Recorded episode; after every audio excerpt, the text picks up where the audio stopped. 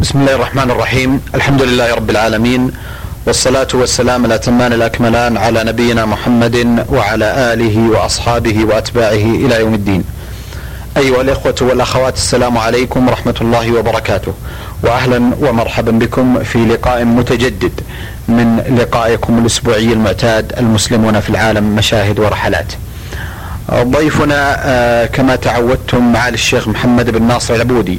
الأمين العام المساعد لرابطة العالم الإسلامي والباحث والرحالة والمحقق المعروف.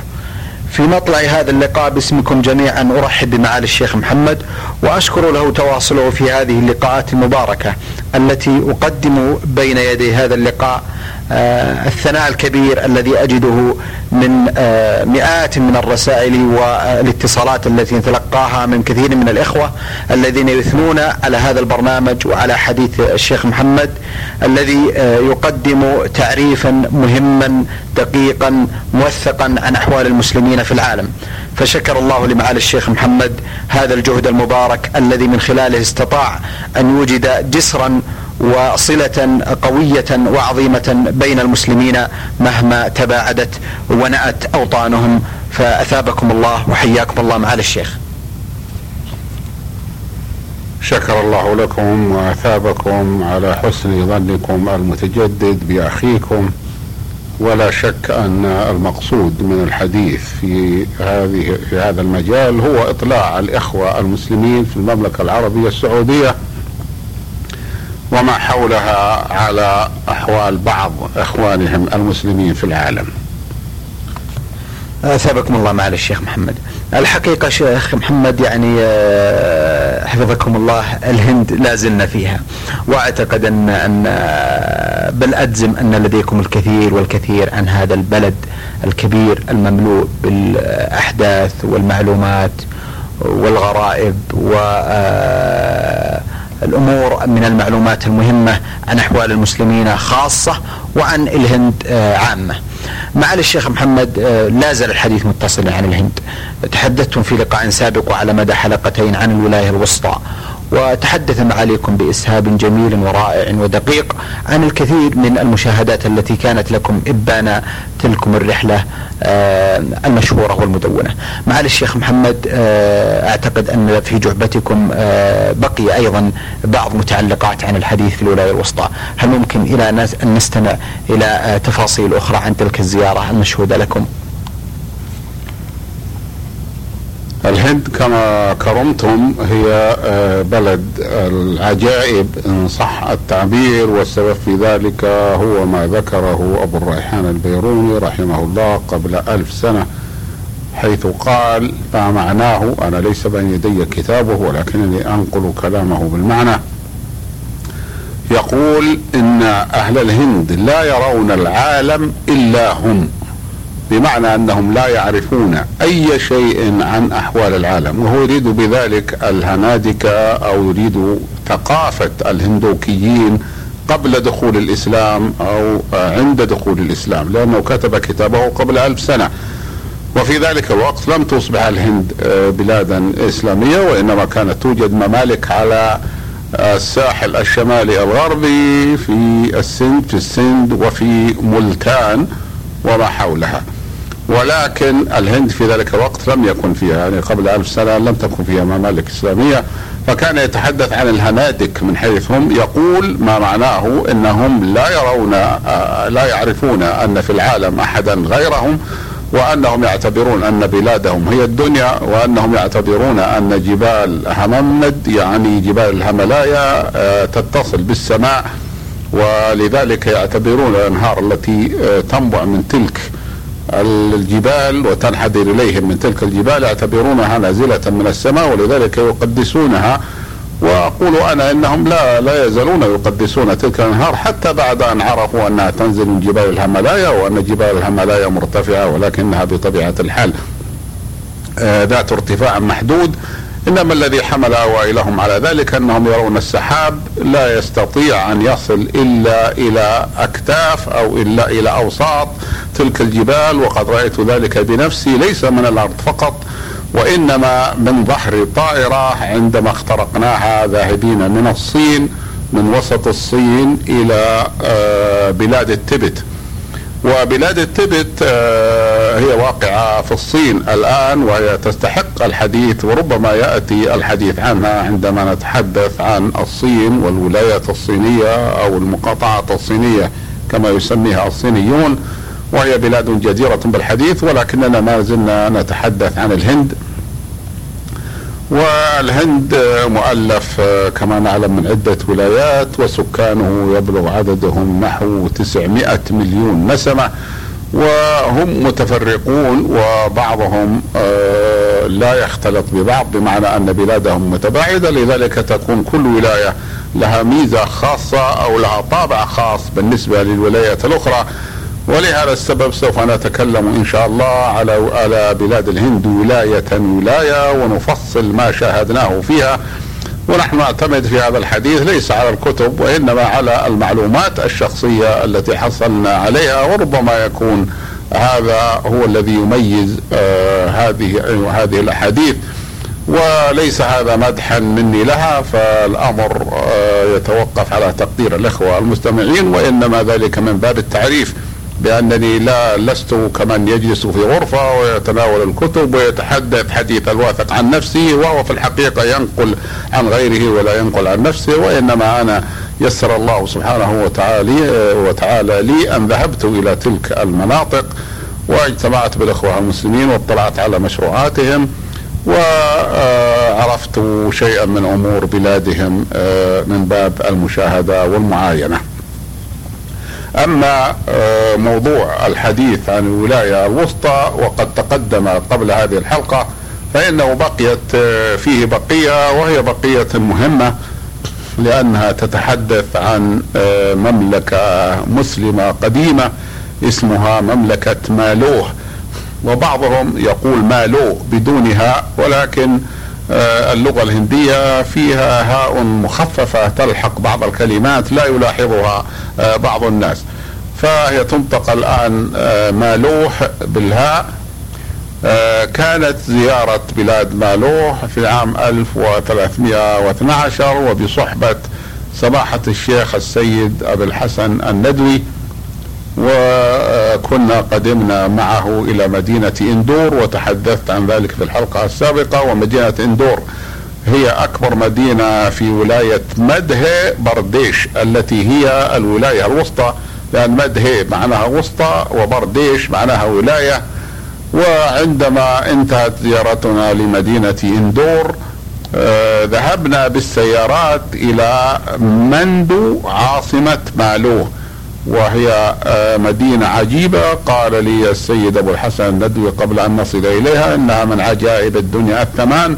بل قال إن أهل الهند رتبوها إنها هي الرابعة من بين عجائب الدنيا وذلك أن مندو عاصمة مالوه واقعة موقعا عجيبا لأنه يحيط بها آه، خندقان طبيعيان أي شق في الأرض طبيعي وبعده شق آخر ولذلك من يدخلها جعل المسلمون من يدخلها فإنه لابد أن يخترق ثلاث بوابات ربما يأتي الكلام عليها قبل أن يصل إلى المدينة. ذهبنا إليها من مدينة إندور كبرى مدن كبرى المدن في ولاية مدها برديش بالسيارات وركبت مع الأخ مع السيد أبو الحسن ندي بالسيارة وذلك من أجل الاستفادة من حديثه.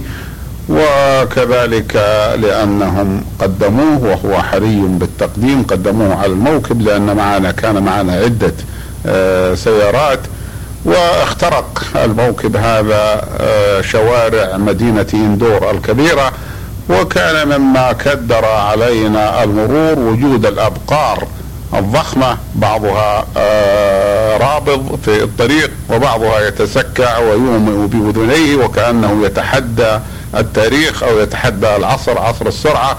والسبب في ذلك أن أهل الهند يقدسون الأبقار كما سبق أن قلته مرارا. ولذلك لا يضربون البقرة ولا يلحون عليها وإنما وإنما يبعدونها بلباقة كما أو بلطف منهم لطف منهم كما يبعد الواحد منا طفله عن مكان لا يود أن يقترب منه. وعندما خرجنا منها لم يتحسن الأمر لأن الطريق كانت ضيقة والمنطقة كلها تعتبر منطقة هندوكية وبطبيعة الحال ليس هذا آه، عيبا فيها كونها منطقة آه، هندوكية بالنسبة للمسافر الغريب لأن الذي ينبغي أن نذكره وننوه به من باب إحقاق الحق أن المناطق الهندوكية مثل المناطق المسلمة فالهنادكة لا يؤذون الغريب ولم نشاهد أحدا منهم أو لم نصادف أحدا منهم اذانا سواء كنت وحدي وعلي الطبع العربي أم كان معي بعض الإخوة. فالسكان الهنود وأقصد من ذلك الهنادك معاملتهم جيدة للغريب ولا أذكر أن أحدا قال إنهم يسرقون المسلم أو إنهم يؤذونه لمجرد كونه عربيا أو كونه مسلما بل هم على حالة راقية من المعاملة مع الغريب وذلك راغم ما يوحي به مظهرهم من ملبس الرث ومن آه، اجسام آه، تكاد تكون بعضها تكاد تكون آه، هياكل عظمية وذلك بسبب عدم وجود الغذاء الكافي أو بسبب عدم العناية بالتغذية وعدم العناية بالنظافة وعدم العناية بمكافحة الأمراض المستشرية الموجودة في الهند منذ سنوات طويلة. ونحن سافرنا كما قلت واخترقنا الطريق بالسيارات ولم نجد أي آه، معارضة ولكن ليس هذا هو شأن هذا الطريق في الهند فقط وإنما هو آه، شأن الطرق في جميع الهند فهي طرق آمنة وليس فيها ما يخافه المسافر سواء كان مسلما أو غير مسلم.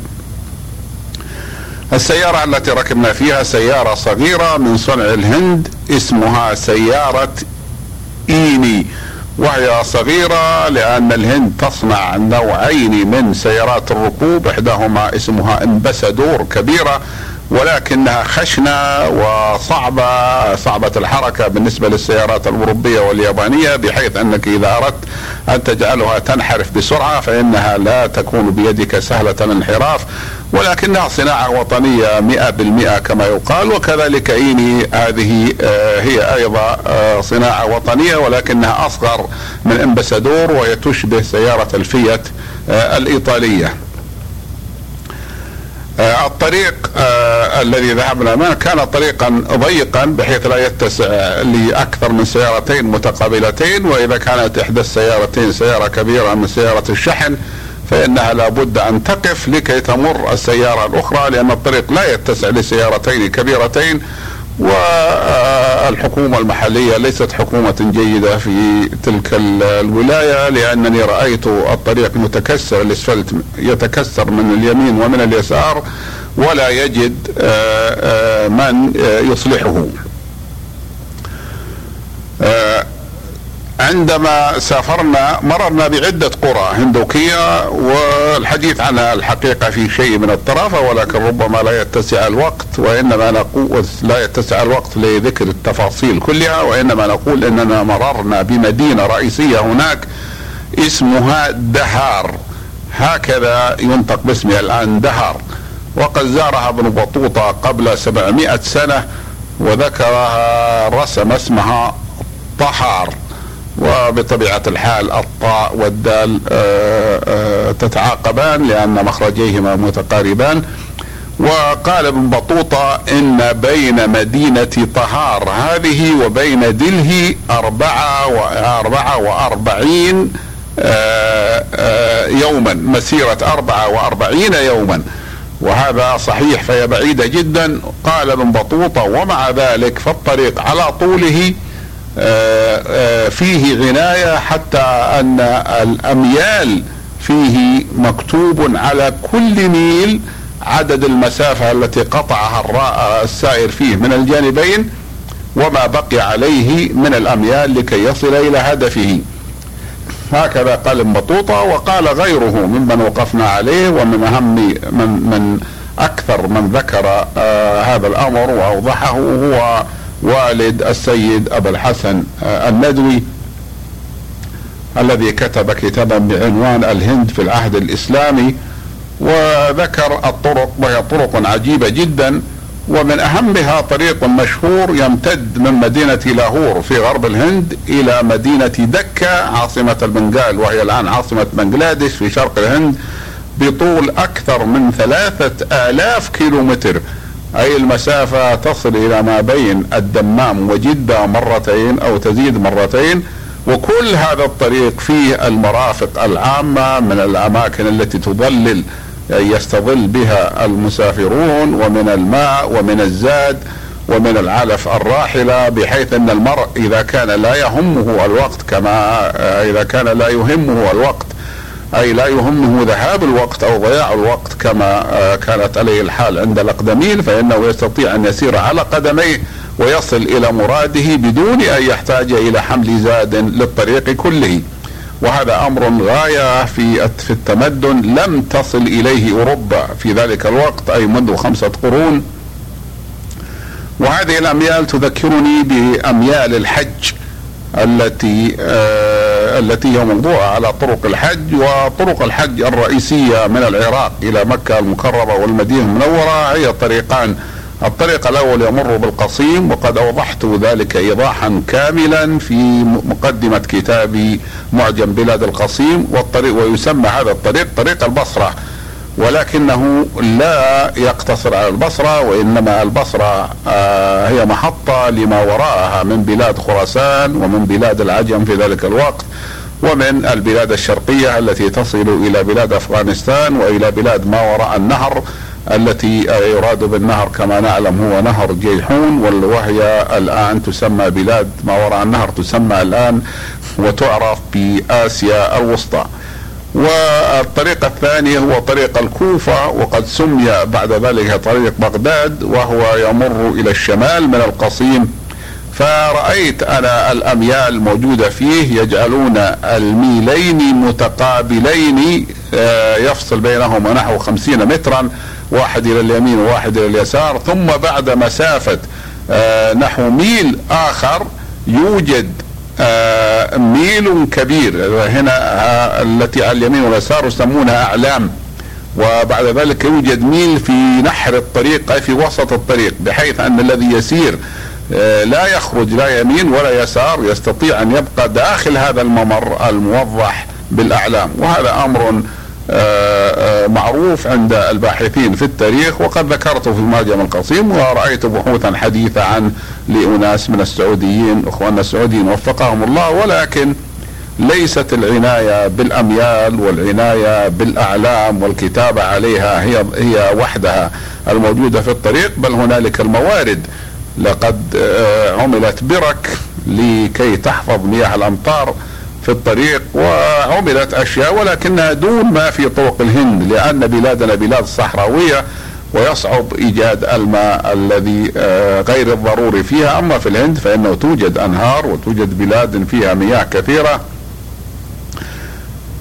نعود إلى ما ذكرناه عن مدينة دهار التي تسمى الآن دهار وكانت تسمى تسمى طهار في عهد بن بطوطة أو هكذا هو رسمها.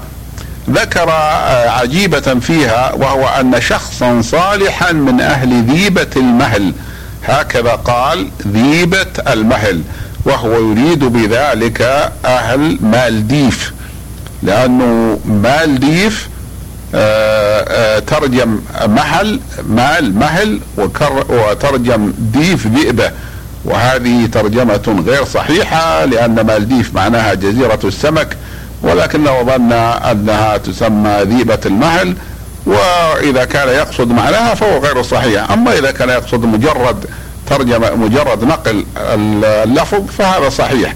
وإلا فإن معناها غير صحيح لأنه لا توجد ذئاب في مالديف ولا سباع ولا غيرها.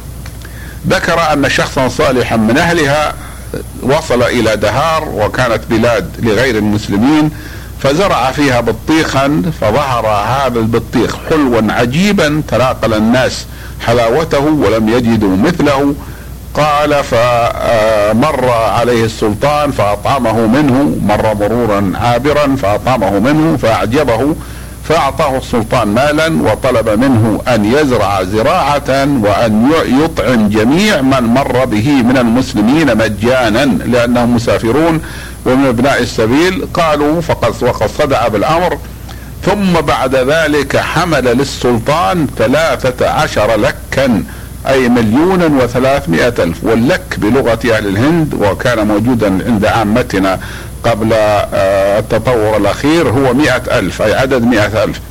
وهنا لم يوضح ابن بطوطة معنى ولا الذي نقل الخبر معنى اللك وظن أنه درهم. وقال هذا فضل مما حصلت عليه من الزراعة من المال وبيت المال حق به مني فضعه بيت المال يقول للسلطان. قال ولكن السلطان لم لم يعجبه ذلك لأنه باع بعض الطعام وجعله نقودا وقال لماذا لم تصرف الطعام؟ إذا لم تجد مسلمين تصرفه للجياع من غير المسلمين. وهذه من عجائب آه، الإخوة آه، من عجائب أعمال الإخوة المسلمين سواء كانوا حاكمين أم محكومين في بلاد الهند. أثابكم الله معالي الشيخ. معالي الشيخ محمد أشرتم يعني إلى إلى مشاهداتكم الشخصية التي وقفتم بها على ماله، لكن هل ممكن أن نستمع إلى شيء من التفاصيل التاريخية عن هذه المدينة التي وقفتم عليها تاريخها القديم بعض المعلومات التي ممكن أن تتحفون بها بمناسبة الحديث عنها؟ نعم. هذا متيسر إن شاء الله والمدينة التي أشرتم إليها آه، وهي مندو هي عاصمة مالوه. المملكة تضم المدينة وتضم الحقات. لها من مدن وقرى وجميع اسمها مالوه. وأول ملك من آه، ملوكها كان يسمى دولار شاه الغوري. مات في عام 808 فأنت ترى أن آه، أن تاريخها قديم. وآخرهم الذي فرط في ملكها اسمه محمود شاه الخلجي لأنه استوزر كافرا هندوكيا فسيطر على وفوض إليه أمر البلاد فسيطر عليها وأبعد المسلمين وقرب الكفار فكانت النتيجة أن تولى الهنادك عليها وأبعدوه عن الحكم إلى أن خرج السلطان مظفر شاه الكجراتي من مقاطعة أو من التي تسمى الآن ولاية كجرات. فخرج إليها وخلصها من الهنادك فعادت المسلمين واستمروا فيها حتى عام حتى عام 968 ثم عادت المسلمين في دلهي ثم أخذها ملوك الهنادكه وخرجت من المسلمين إلى الآن. ولكن الملاحظ الذي ربما يأتي الحديث عنه أن الخراب كان قد عمها لأن عمرانها كان على أيدي المسلمين وبعد ذلك آه، آه، خربت. نلاحظ من الأمور الجديرة بالملاحظة أن المسلمين الآن لا يؤلفون إلا 5% من مجموع السكان. وكانوا قبل ذلك رغم أنها مملكة إسلامية كانوا أقلية ولكن لم يكونوا بهذا القدر 5% فقط. وذلك أنه بعد أن سقط الحكم الإسلامي فيها كما ذكرت آه، منع الهنادكه المحليون منعوا المسلمين من إعادة السكنى فيها. وكذا آه، آه، لم يسمع لأنهم يخشون أن تعود المسلمين في ذلك الوقت. إلا, إلا أن هذا المنع قد سقط عندما استقلت الهند وسمحوا الهند سمحت الآن لأي مسلم يريد أن يسكن فيها أن يسكن كما هي الحال في جميع البلاد الهندية.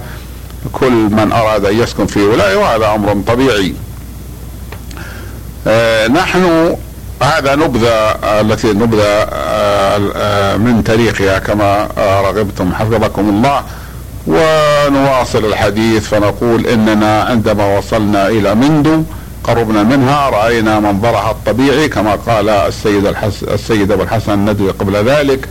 وجدنا أنها من عجائب الدنيا لأن فيها آه هذان الشقان في بها شقان طبيعيان واحد بعد الآخر ولم نستطع الدخول إليها ولا يستطيع أحد حتى الآن الدخول إليها إلا مع طريق دفنته الحكومة في العصر الأخير وجعلته طريقا للسيارات، أما الباقي فإنه لا يمكن. ولذلك كان المسلمون يشعرون بأنهم في حصن حصين من آه، إغارة الأعداء لا سيما أنه كما نعلم في ذلك الوقت في ذلك الوقت لم تكن توجد أسلحة تستطيع أن تتجاوز آه، الأسوار. ومع وجود هذا الخندق الطبيعي أو هذان الخندقان الطبيعيان فإن المسلمين قد أحاطوها بالأسوار القوية التي لا تزال باقية بالحجارة وفيها أبراج آه، حراسة للمدينة كبيرة دخلنا إليها مع البوابة الأولى ويسمونها باندي دروازة بهذا اللفظ لأن الدروازة هي من السائرة في لغتهم وباندي معناها كناس أو كناسين وتترجم اسم الدروازة هذه بمعنى بوابة كبيرة تترجم إلى بوابة الكناسين. وسرنا قليلا بعد بوابة الكناسين حتى وصلنا إلى بوابة اسمها البوابة الثانية واسمها سماتي دروازة. أي بوابة الرماه والمراد بالرماة كما نعلم هم رماة السهام لأن هذه التسمية قديمة منذ 500 سنة أو 600 سنة. أما البوابة الثالثة فيسمونها جاري دروازة أي بوابة العربات. جاري في الهند هي معناها عربة والدروازة معناها البوابة الكبيرة. ثم من هناك دخلنا إلى المدينة التي هي مدينة مندو. وكانت تسمى في العهد الإسلامي شادي آباد أي مدينة الفرح ولكنها غيرت إلى الاسم الهندوكي الأخير بعد سقوط الدولة الإسلامية وسميت مندو كما كانت تسمى آه، من قبل. أول من بنى أبنية هذه المدينة هو السلطان هو شنغ شاه الغوري و آه، آه، قد بناها ولكنها كانت معامرة ولكن بناها بناء قويا بحيث أن الأبنية الإسلامية فيها والمقصود من الأبنية الإسلامية المساجد ودور العلم وما أشبه ذلك أي مما له علاقة بالإسلام بقيت إلى الآن وإن كانت قد تركت مهملة أكثر من 200 سنة فلم يشنها ذلك. وأما في الوقت الحاضر فإن الحكومة الهندية وهي طبعا حكومة آه، علمانيه ويسيطر عليها الهنادك ولكنهم اعتبروا هذه الأبنية أبنية أثرية وطنية يجب المحافظة عليها وقد حافظوا عليها كما هي من آه، منطلق أنها أبنية وطنية إسلام آه، أبنية وطنية هندية. آه، لم نجد آه، فندقا كما قال لنا أخوتنا الذين رأيناهم استقبلوا السيد أبو الحسن واستقبلونا معه وذكروا أنه لا يوجد فندق في مدينة مندو وإنما قصدنا استراحة حكومية. كانت الحكومة الهندية قد أعدتها لرجالها رجال الإدارة الذين يذهبون هناك وكانوا اتفقوا مع الحكومة الهندية على أن نسكن فيها وقد أسكنونا فيها كل واحد في آه، كل اثنين في غرفة. وبعضهم في أكثر من غرف لكن أنا سكنت مع آه، صديقي الدكتور عبد الله عباس الندوي واللافت للنظر أن الغرفة فيها سريران أن الغرفة فيها سريران وكل سرير عليه ناموسية وهي الكلة باللغة العربية وهي التي تمنع وصول البعوض إلى جسم ابن آدم مما يدل على كثرة البعوض هناك. وحالما وصلنا كان الإخوة المستقبلون من أهل مندو وكذلك من أهل دهار الذين معنا يسعون في إعداد طعام الغداء وقد فرشوا له تحت شجرة ضخمة يسمونها جنار وهي من شجر الشمال الهند المشهورة المعمرة بحيث أن بعضها في كشمير يزيد عمره على 500 سنة وعلى 400 سنة وتعرف بالعربية بالدلب اشجار الدلب وقد رأيت واحدة منها في مدينة دربند في داغستان ومدينة دربند كانت معروفة عند المؤرخين العرب بالباب أو باب الأبواب يسمى باب الأبواب. وجدت في مسجد في دربند شجرة كتب الروس عليها تاريخها أي الآثريون من الروس كتبوا تاريخها أنه قد مضت على غرسها 535 سنة. آه، تحت هذه الشجرة المعمرة مدوا آه، الخوان وهو الصماط ووضعوا عليه الطعام. وقد أحصيت الذين جلسوا على هذا الطعام فوجدت أنهم عددهم أكثر من أربعين. ومع ذلك لما أحضروا الطعام ظننت أنه لا يكفي لهذا العدد ولكننا أكلنا وتضلعنا منه وبقيت منه بقية. والعجيب من ذلك أن آه، هذا الطعام كما قلت يظن الواحد أنه لا يكفي ولكن حلت فيه البركة ولا آه، أفسر ذلك إلا بالبركة والبركة لا يمكن أن آه، ينكرها عاقل أو ينكرها شخص عارف بما ورد فيها من النصوص. عندما تغدينا تحت شجرة الجنار وبصحبة هؤلاء الأخوة الذين وجدت فيهم اثنين مختصين بمعرفة تاريخ هذه المنطقة وهم من أهلها فأمضينا الوقت في سؤالهم وبالاستفادة منهم عن أمور منهم عن أمور تتعلق بهذه المدينة ماندو وبهذه المنطقة أثابكم الله معالي الشيخ محمد. آه معالي الشيخ محمد أستأذنكم في هذه اللحظات ان أتوقف عند هذا الحد على أمل أن يكون هناك تواصل بإذن الله تعالى في لقاء قادم آه لنتم الحديث عن مشاهداتكم وانطباعاتكم آه، عن أحوال المسلمين آه، في الهند. أيها الأخوة والأخوات كان ضيفنا كما آه، تعلمون معالي الشيخ محمد بن ناصر العبودي الأمين العام المساعد لرابطة العالم الإسلامي والرحاله والباحث والمحقق المعروف والذي واصل لنا حديثه عن مشاهداته وانطباعاته عن أحوال إخوان المسلمين في العالم. نلقاكم أيها الإخوة والأخوات على خير في مثل هذا اليوم من الأسبوع القادم وتقبلوا تحية من محدثكم محمد بن عبد الله مشوح والسلام عليكم ورحمة